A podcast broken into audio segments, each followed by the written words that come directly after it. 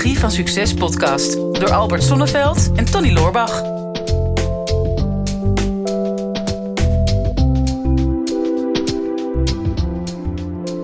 Albert, welkom terug van vakantie. Ja zeg, Alweer. heerlijk hè? Dit wordt bijna de standaard opening bij een podcast opnemen. En jij altijd net op vakantie bent geweest. Ja, ik heb er gewoon een nieuwe gewoonte van gemaakt. Ik zeg, ik ben altijd op vakantie en tussendoor werk ik. Ja, En als ik podcast opneem ook nog een beetje onder werk eh, samenvat, dan, eh, ja, dan klopt het wel. dan klopt het wel ongeveer. Ja. Nou, heel mooi. Dan gaan we er weer lekker tegenaan. Ik heb weer wat vragen binnengekregen. We doen even twee vragen in één. Want ik heb één vraag binnengekregen van eh, Mark Tichelaar, ons beide bekend. Ja. Hij zegt, eh, het is wel interessant, Mark is een focus-expert. Ja. Toch vraagt hij aan ons, hoe neem je een podcast op na een kater van Oktoberfest? Ja, pure Ja. focus, Mark. Pure Ja, focus. precies. En eh, de vraag is, waar is die focus kwijtgeraakt? Was Ja. dat al op het feest zelf of daarna? Of, nou, daar ben ik wel benieuwd naar. Maar goed, ik, denk, inderdaad. ik denk dat hij op mij doelt. Want ik ben gisteren teruggekomen van Oktoberfest. Maar misschien was Mark er ook wel. Maar dat gaan we, dat gaan we zien. Gisteravond om eh, uurtje of tien thuis. Hmm. En eh, nou, we hebben een paar biertjes gedronken op het feestje. Maar het mag allemaal geen naam hebben. Nee. Ik weet er ook niet zoveel meer van. Dus het zal niet zoveel zijn geweest. maar eh, dan gaan we lekker de focus in. En dan gaan we het hebben over leiderschap. Want dat is de andere vraag die ik eh, binnen heb gekregen van, van Aniek, Aniek Oost. Ze zegt, wat is leiderschap voor jullie in persoonlijke zin en in je business? Ik geloof dat deze samen gaan. Oké, Dat, ja. Ik denk dat dat, dat dat zeker samen gaat. Maar dat is een mooie vraag. Wat is leiderschap voor jou? Ja, leiderschap. Nou ja, ik ben van de, de generatie ehm, waarin er eigenlijk eh, in, in mijn periode werkzame leven twee soorten leiderschap eh, waren. En eh, dan Met een ik lange en over een korte ei. Lange en een korte ei. En de eerste, ja, zo'n 30 jaar geleden, dan was de leiderschap in, in de traditionele vorm eh, van het bedrijfsleven. Mhm. En ehm, ja, dat traditionele leiderschap, dat ging heel erg over, ja, ik, ik ben in controle als leider. Eh, ik hou de touwtjes heel strak in handen. Mhm. Eh, en mensen moeten doen wat ik zeg. En nou ja, dat was soms zelfs management by fear. Mm. En ehm, nou, we weten allemaal hoe dat afgelopen is. Er zijn nog wel een aantal traditionele bedrijven die dat nog steeds proberen te doen. Maar wat mij betreft zijn ze ten dode opgeschreven. Want ergens na 2008 is dat wel steeds meer gaan verschuiven Mhm. naar wat we dan noemen natuurlijk leiderschap. Mhm. Nou is leiderschap is ook weer zo'n containerbegrip. Eh, en de grote vraag is dan, ja, wat, wat, wat versta je daar nu onder? Nou, ik kan alleen maar aangeven wat ik, wat ik zelf versta onder leiderschap. En ik ben een hele grote voorstander van het natuurlijk leiderschap. Mhm. Nou, een van de dingen die daar essentieel in zijn, waar het om draait, is het woord verbinding. Ehm, want wat ik zie bij een natuurlijke leider, die heeft een natuurlijke eigenschap om in contact te zijn met zichzelf en met zijn directe omgeving en ook nog met het bedrijf. Mhm. Is dat aan te leren? Dat is natuurlijk de vraag. Ja, dat is de vraag. Ja. Nou, ik denk het wel. Ik denk, nou, ehm, je hebt verschillende type mensen. Dat weten we ook. Hè. Als je kijkt naar eh, allerlei eh, leiderschapstijlen, dan is de een wat staat wat makkelijker open voor verbinding dan de ander. Het ligt ook wel een beetje aan wat voor soort bedrijf dat je werkt. Ehm, en het, het type bedrijf vraagt ook om een, een bepaald soort leider. Als je Mhm. eh, kijkt, ja, bij zorginstellingen gaat het natuurlijk heel erg over verbinding en zorg. En eh, misschien als je kijkt bij een ICT-bedrijf of bij een bank of een verzekeraar, dan is er wat meer afstand en wordt er misschien wat meer op, op structuur gestuurd. Mhm. Dus de eerste die, ehm, die je moet afvragen voor jezelf als het gaat over natuurlijk leiderschap, in, in hoeverre moet ik die verbinding ehm, op nummer 1 zetten Mhm. bij leiderschap? Afhankelijk dus van, van het bedrijf. Ik weet niet hoe jij dat zelf doet in je eigen organisatie. Eh, Nou, draait het bij jou om verbinding? Nou, eh, wel om een internetverbinding. ik kom bij een internetbedrijf. Nee, ja, ik ben een heel eh, autocratisch leider. Streng. Ja. nee, helemaal niet. Nee, ik heb er, ik heb er altijd een beetje een weerstand van gehad. Van, van eh, dat, dat traditionele leiderschap. Hè. Er wordt mij vaak in het bedrijf... eh, in het verleden werd me dat ook wel gevraagd. Hè, omdat wij hebben echt een beetje een vriendengroep met elkaar. Familiesfeer. Dus inderdaad een en al verbinding. Eh, dank nog daarvoor. dat heb jij me ooit geleerd. Maar Ehm, ik weet dat ik daar heel vaak opmerkingen over kreeg van hè, is, dat, is dat niet gevaarlijk dat je zeg maar vriendschappelijk met je teamleden omgaat? Hè? Of dat, er, ehm, dat, je niet dat, ehm, dat je niet die afstand bewaart. Hè? Zo wordt het vaak genoemd. En ik denk van ja, kijk, je kan op verschillende manieren kan je aan je autoriteit komen als leider. Ja. Hè, je kan zeggen van oké, ik ga een, een soort van gecreëerde afstand bewaren. Dat is wat veel managers, veel leiders doen. Van hé, ik ga eh, niet mee met de borrels of misschien tot aan het eerste biertje. Ik ga niet te close om met mijn, met mijn team. Ik wil een bepaalde eh, autoriteit uitstralen. Ik wil een bepaalde autoriteit, bepaald gezag hebben. En denk, ja, maar dat is een hele gecreëerde vorm van autoriteit. En dat is eigenlijk een beetje dat je zegt van... je moet respect voor mij hebben omdat ik nu eenmaal de baas ben. Ja. En zo is het verdeeld. In, in, eh, ja, als, ik, als ik kijk in mijn eigen vak hè, als eh, psycholoog... dan werd eh, in mijn studie aangeleerd een prachtig woord... en dat heette dan afstandelijke betrokkenheid. Ah ja, wauw. Ook, ja, je moet een afstandelijke betrokkenheid hebben met je patiënt of je cliënt. Mhm. Ik heb daar nooit aan meegedaan. Ik, ik geloof er helemaal niet in. Dat is inderdaad precies wat jij zegt. Dat is ja, voor mij zo gekunsteld. En sommige Mhm. mensen zullen zich daar goed bij voelen. Maar ik vind het zo onnatuurlijk om... Ja, met de, een, met de ene persoon heb je nu eenmaal meer dan met de ander. En Ja. je hebt wel zelfs zo'n intuïtieve eh, houding... waarin je precies weet... nou, met de een wil ik meer contact maken... en bij de ander Mhm. hou je van nature ook al wat meer afstand. Dus dat klopt. Ja, maar, maar dat wat jij zegt ook, natuurlijk leiderschap is... Hè, in, de ene, in de ene situatie zeg je van nou, hè, je moet respect voor mij hebben... omdat dat nou eenmaal zo is, want dat staat hier op papier... en dat is nou eenmaal de, de hiërarchie die wij in dit bedrijf hebben. ja. Of je zegt van je hebt respect voor mij omdat ik dat respect verdiend heb. Hè? Bijvoorbeeld omdat ik eh, een voorbeeldfunctie geef. Hè? Of omdat ik eh, de toon zet. Of omdat ik een bepaalde verantwoordelijkheid op me neem. Dat ik eh, de moeilijkere beslissingen voor de rest neem. Hè? Dan, dan ben je vaak een leider. En ik denk, ja, leiden. ehm, ja, ik wou, ik wou- ik wou het zo noemen. Je kan het een beetje zien als duwen of trekken. Weet je Ja. wel? Als jij een leider bent en je hebt bijvoorbeeld een team en je gaat echt aan mensen lopen trekken van jij moet dit doen, jij mag dit niet doen.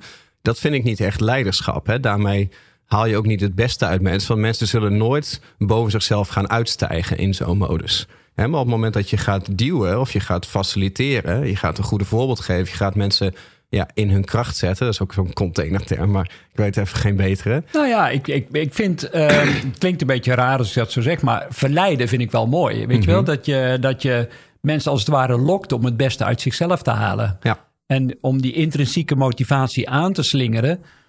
Ja, als je ze geen pijn wil doen, je medewerkers, en dat doe je meestal niet vanuit natuurlijk leiderschap, dan, ja, dan verleid je ze om dingen te doen die misschien grensverleggend voor ze zijn, maar waar ze op de lange termijn zeker wel heel veel plezier aan beleven. Ja, dus, dus je, schept eigenlijk een situatie waarin ze gewoon zelf kunnen excelleren. Dus je geeft het goede voorbeeld, je, je faciliteert hun ontwikkeling. Hè? Je geeft eigenlijk aan van nou, hè, dit zijn de doelstellingen die we willen behalen. Dit zijn de resources die je kan gebruiken. En ga er maar mee aan de slag. Hè? In plaats van dat je het inkadert. En wat ik heel raar vond, en ik heb dat heel vaak gezien, ook in mijn eigen bedrijf wel, is dat op het moment dat je bijvoorbeeld een hele goede werknemer hebt, iemand die geen leidinggevende functie heeft, maar die gewoon excelleert, die ga je op een gegeven moment promoveren op basis van zijn, zijn ontwikkeling, hè? op basis van zijn prestatie. Ja. Eh, en wat je dan heel vaak ziet, is dat er een soort van, ja, ik noem dat een beetje het klaarover effect in komt. Ehm, je geeft iemand zeg maar een oranje hesje. Want jij hebt nu een bepaalde mate van leiderschap. Jij hebt nu controle. En dan zie je dat mensen dus controle gaan uitoefenen op andere mensen. Terwijl ze dat daarvoor niet deden. En dat je ziet dat mensen ineens anderen gaan corrigeren op hoe laat ze beginnen. Of eh, hoe ze hun werk doen. En ja, eigenlijk een beetje een, een, een, een vingertje gaan wijzen. Terwijl ze daar zelf eigenlijk helemaal niet van gecharmeerd zouden zijn als iemand anders dat bij hen zou doen. En ik weet niet precies waar dat uit ontstaat. Hè, maar dat zodra je een leider wordt, dat je dan de, de neiging hebt om aan anderen te gaan trekken en om echt leiding te gaan eh, nemen, leiding te gaan geven. Ja. Dat vind ik altijd heel uitzonderlijk. Ja, ja dat, is, dat heeft toch eh, met macht te maken, met het gevoel van macht. Ehm, en dat is wel iets heel wonderlijks. Dat zit in ieder mens toch wel een beetje ingebakken van... ja, ik heb nu een plek. En die plek die willen we op een of andere manier altijd groter maken dan dat die nodig is. Ja, klopt. Ja. En er zijn al heel wat oorlogen uit ontstaan. Nou ja, Ja. jij, jij, jij bent ook nogal van geschiedenis en historie. Mhm. En dan denk je, oké, maar je hebt al zoveel plek. Waarom zou je, waarom zou je nou nog meer land willen hebben? Ehm, maar dat geeft dan het gevoel van waarde. Ja. Ehm, en eigen waarde. En als je die W weglaat, dan staat er eigen aarde. Dus van nee, dit is mijn plek. En als ik macht heb, heb ik nog meer plek. En, en nog meer plek betekent meestal ook meer aanzien. Tenminste, dat dachten we altijd. ja, vandaar dat het eigenlijk heel eigenaardig is. Dat mensen zo in hun eigen waarde gaan. Ja, Maar ja, ehm, uiteindelijk overal zit een grens aan. En het is natuurlijk heel mooi als je vanuit natuurlijk leiderschap weet van jezelf. Ja, ik heb zoveel zelfvertrouwen. en dat hangt niet af van meer positie of vanaf meer macht. Of juist een, een, een natuurlijke leider is vooral ook een dienend leider. Die moet het niet hebben van meer territorium. Die moet het juist meer hebben van ehm, ja, het verlangen wat mensen hebben om die leider te volgen. En ja, eh, dat, ik vind dat van het Financieel Dagblad wel een mooie, eh, mooie slogan. Ergens, ik weet hem niet helemaal, maar die, wie volgt, die leidt. Eh, eh, en, en dat is ook zo. Hè. Als je op het moment dat je volgt, dan heb je de leiding, maar andersom ook. eh, als je de, de trends volgt, als je volgt wat er in jouw omgeving nodig hebt, dan heb je automatisch de leiding. Mhm. Ja, nou ja, maar dat is misschien een beetje het verschil tussen, tussen een echte natuurlijke leider eh, en een manager. Hè? Managers controleren, eh, leiders inspireren. Dat Ja. is misschien het verschil. En, eh, medewerkers transpireren precies, ja, onder goed leiderschap. Ja. Nee, maar ja, dat, is- kijk, dienend leiderschap, ik ben daar ook altijd heel erg fan van geweest. Ik vind mezelf bijvoorbeeld niet een, een geboren leider in de zin van, hè, als ik met een groep op pad ga, dan ben ik niet van nature degene die voorop loopt of die eh, alles regelt of die alle verantwoordelijkheid pakt. Hè, dat, dat, dat soort mensen heb je ook. Hè. Dat, is, dat is in je privéleven misschien dat jij gewoon natuurlijk een leider bent. Hè, of dat je makkelijk verantwoordelijkheid neemt. Ja. En niet iedereen ambieert dat ook. Hè. De meeste mensen vinden het juist heel fijn om geleid te worden. Hè. Dus dat iemand anders voorop loopt, dat iemand anders de koers bepaalt, dat iemand anders de moeilijke beslissingen neemt. Sterker nog, als je de gemiddelde mensen volledige vrije keuze geeft in wat ze mogen doen, dan kiezen de meeste mensen voor datgene wat de meeste anderen ook doen. Ja, En dat laten heel veel sociale experimenten zien. Alleen, ehm, ook als je dat van nature niet hebt, betekent niet dat je in je bedrijf niet, niet een leider zou kunnen zijn. Het enige wat je moet doen is proberen om niet mensen te controleren, maar meer mensen te inspireren. Dus je geeft het goede voorbeeld, eh, je doet inderdaad dienend leiderschap. En dat betekent simpelweg dat je gewoon er, bent als iemand jou nodig heeft. Dus jij faciliteert, je zorgt voor de resources, je zorgt voor de financiën, je zorgt voor de ontwikkelingspaden, voor de vrijheid. Eh, en vervolgens moeten mensen het zelf gaan doen. Je moet ze alleen wel een richtpunt geven van waar ze naartoe gaan. Ja. Nou, en dat, dat is het inspirerende. Dat je zelf eigenlijk altijd een stap voorloopt. En dat mensen daarom een bepaald soort respect voor je hebben. Ja, het is, het is, het is eigenlijk niet zo ingewikkeld. Hè? Dan aan de ene kant is dat eh, de wet van Pareto. Hè? We, we hebben 20% leiders, 80% volgers. En je moet van die volgers ook geen leiders proberen te maken. Precies wat jij zegt. Want daar voelen mensen zich helemaal niet mee op hun gemak. Maar als je kijkt naar een gezinssituatie. En in, in mijn gezin eh, met de nodige hoeveelheid dochters. heb ik ook altijd gekeken van ja, maar wat is nou als ouder de beste manier om mijn kinderen op te voeden? Hè, want als ouder ben je ook leider van het gezin. Hè, zo word je ook gezien. Ja, en mijn gouden stelregel voor opvoeden is: opvoeden is voorleven. En, en meer is er niet nodig. Hè. Of zo'n uitspraak die ik ook altijd gebruik, ook bij het opvoeden, is van ja, dat wat je graag wil hebben, beginnen te geven. Hè, dus als je als leider res- respect wil hebben, nou, ga dan respect geven. Eh, dus het is niet ingewikkelder dan dat. En natuurlijk heb je daar fantastische theorieën over en hele dikke managementboeken over geschreven, maar en ook over leiderschap. Er zijn ontzettend veel trainingen en cursussen over natuurlijk leiderschap.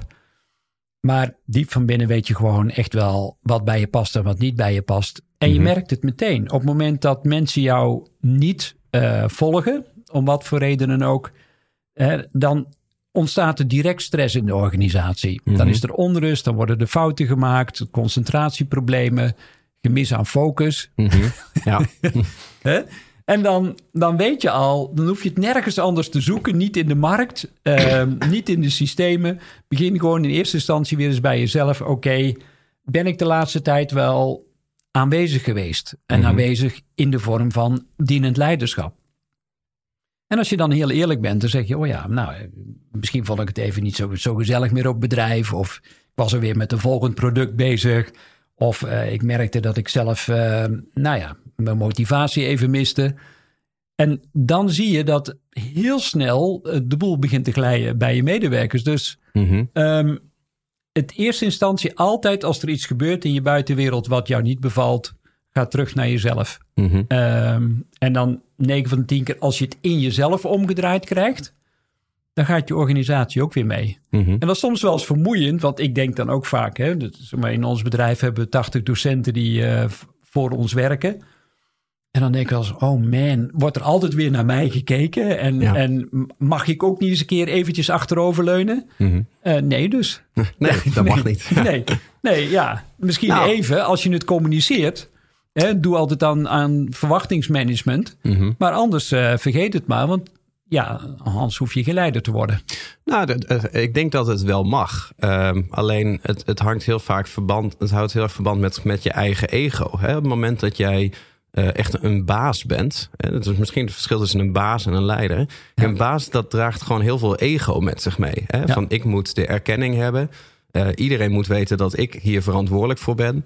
Eh, ik moet het beste kantoor hebben. Ik moet het hoogste salaris hebben. Ik moet de regie hebben. Dat is allemaal heel erg ego. Ja. Terwijl een leider, en dat doet me een beetje denken aan, volgens mij heeft Simon Sinek heeft daar een boek over geschreven, Leaders Eat Last. Hè, dus leiders eten als laatste.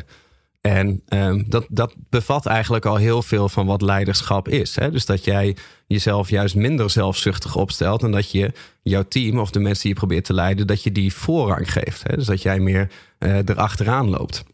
Dat is net als in de Eerste Wereldoorlog. Hè? Echte leider gaat ook als laatste pas de loopgraaf uit.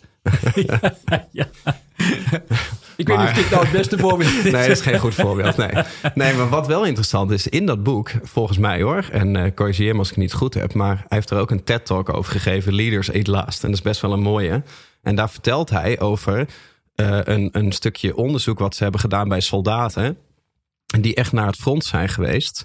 Van hey, eh, als je aan een soldaat vraagt van, ja, weet je, hoe dan? Want jij, je, je bent aan het front, je hebt een wapen, eh, er wordt op je geschoten. Op een gegeven moment moet jij inderdaad zo'n loopgraaf of zo'n defensieve stelling gaan verlaten en ga je aanvallen met, met gevaar voor eigen leven. Dat is, psychisch is dat heel raar dat je gewoon naar de overkant zou rennen terwijl je weet dat je dus letterlijk doodgeschoten kan worden. Ja. Van, hoe kan je dat doen? Dat was een beetje de vraag van, hè, eh, ben je dan ergens onder invloed van? Of hè, wat, wat, wat is er aan de hand? En meeste soldaten gaven als verklaring daarvoor aan ehm, dat degene die naast ze stond, eh, voor hen hetzelfde had gedaan. Hè? Dus je gaat, Ja. zeg maar, je valt aan voor je, voor je maten, voor je medesoldaten. Ja. Eh, simpelweg omdat zij voor jou hetzelfde gedaan zouden hebben. En dat is misschien een hele mooie samenvatting van leiderschap. hè. Je wilt het eigenlijk, of dat nou je familie is, of je vriendengroep, of bijvoorbeeld dus in je bedrijf, dat mensen iets voor jou doen, niet omdat ze dat verplicht zijn te doen. Dus als ik eh, bijvoorbeeld vanavond knallen de servers drie keer uit om 11 uur en ik ga als eh, programmeur Douwe, ga ik daarvoor eh, wakker bellen van hey gast, je moet die server weer online zetten. Dan wil ik niet dat hij dat doet omdat hij dat verplicht naar mij is. Hmm. Maar dan wil ik dat hij dat doet, omdat hij weet dat ik voor hem hetzelfde gedaan zou hebben. Als ik technische kennis had gehad. En ik denk dat dat is denk ik een mooie nuance om zo'n soort van natuurlijk leiderschap te vinden. Ja, mooi. Ja, dus, dus de de vraag is dan van wanneer ben je dan een natuurlijke leider? Nou, we hebben er al veel ehm, onderdelen van besproken. Ehm, gezamenlijke doelen. Ik denk dat het ook belangrijk is dat je ehm, iedere keer weer opnieuw eh, je gezamenlijk doel uitlegt aan de mensen om je heen. Omdat ehm, vaak is die boodschap heel kort, heel krachtig. Een, een hele korte payoff, daar doen we het voor. Dit is onze visie. Ehm, en dat je dat keer op keer op keer blijft herhalen. Dus het, het fijne van natuurlijk leiderschap is, je hoeft het ook niet zo ingewikkeld te maken voor jezelf. Want het Nee. is uiteindelijk ook heel simpel. Als je steeds dezelfde boodschap blijft herhalen met eindeloos veel geduld, met eindeloos veel liefde. Want je weet, ehm, en daarom luister je waarschijnlijk ook naar deze podcast, is dat gedrag nou eenmaal moeilijk verandert. En ja, wat je in oud traditioneel leiderschap vaak zag, is dat, nou ja, het ene plan was nog niet uitgerold. En de, de ene reorganisatie, boom. En dan kwam er weer een volgende manager en had er weer een volgend plan. Iedereen wilde daarmee scoren, hè, met zijn eigen ego.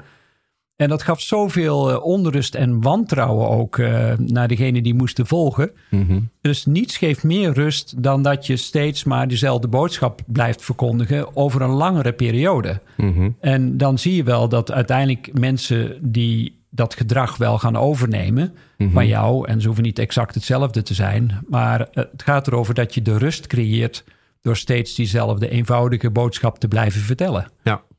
Ja, dus ik, maar ik denk ook, eh, dat is misschien wel een mooie samenvatting. Hè? Want we zitten ook bijna aan de 20 minuten. Dat is heel snel afronden nu. Ja. Maar weet je, kijk, als je de, deze hele podcast luistert, je hoort gewoon een bepaalde trend terugkomen. Dat zodra je gaat controleren uh, en iemand anders iets probeert op te leggen, dan ben je eigenlijk niet aan het, aan het leiden. En dan, dan ben je aan iemand aan het trekken. En leiden is simpelweg, als je daarover nadenkt, als je met, uh, met een groep gaat wandelen en denk je aan leider, die, die loopt gewoon voorop. Dat, dat is eigenlijk gewoon het, het meest tastbare. Dus mensen nemen het niet van je over, maar ze, of ze nemen het niet van je aan, maar ze nemen het misschien wel van je over. Ja. Dus je gaat het gewoon uh, voordoen. We hadden het in een eerdere podcast ook over. Ja, als je nou vrienden hebt of mensen in je omgeving die maar niet ontwikkelen, hoe ga je daar dan mee om? Ja, zodra je tegen iemand gaat zeggen van hé, hey, uh, zou je niet een keer uh, wat aan sport gaan doen? Hè? Of hé, hey, zou je niet een keer wat van je leven gaan maken? Of, of wat dan ook. Ja, dan zul je zien dat dat met gematigd enthousiasme ontvangen wordt. Hè? Dus mensen nemen dat niet van jou aan. Maar als jij het goede voorbeeld geeft en je, net wat je zegt, je leeft het voor, dan gaat het niet van maandag op dinsdag. Maar op termijn zullen mensen je gedrag waarschijnlijk wel gaan overnemen als ze dat inspirerend vinden. En dan ben je weer een uh, natuurlijke leider. Ik vind het tranentrekkend mooi, zo mooi samengevat, Tony. Ik bedoel, uh, we pakken het leiderschap op. Gaan we doen. Dit is de Psychologie van Succes podcast door Albert Sonneveld en Tony Loorbach. Ja, beste luisteraars, dat was hem alweer voor vandaag. Weer een aflevering voorbij van uh, de Psychologie van Succes. Ik hoop dat je het waardevol hebt gevonden en um, wat je ons dat ook zou willen laten weten. Uh, mocht je nog niet geabonneerd zijn op onze podcast, doe dat dan even. En wat we heel erg tof zouden vinden, is als je ook even een review zou willen achterlaten. We vinden het natuurlijk heel leuk om te horen van jou wat je van de podcast vond, welke inzichten je eruit hebt gehaald en om dat natuurlijk in de review-sectie terug te gaan lezen. Heb je nou een vraag en je zou graag met jouw vraag in de uitzending willen komen? Stel hem dan op de social media. Onze kanalen zijn vooral LinkedIn en natuurlijk Instagram. De beste vragen pakken we eruit en grote kans dat je dan terugkomt in deze podcast.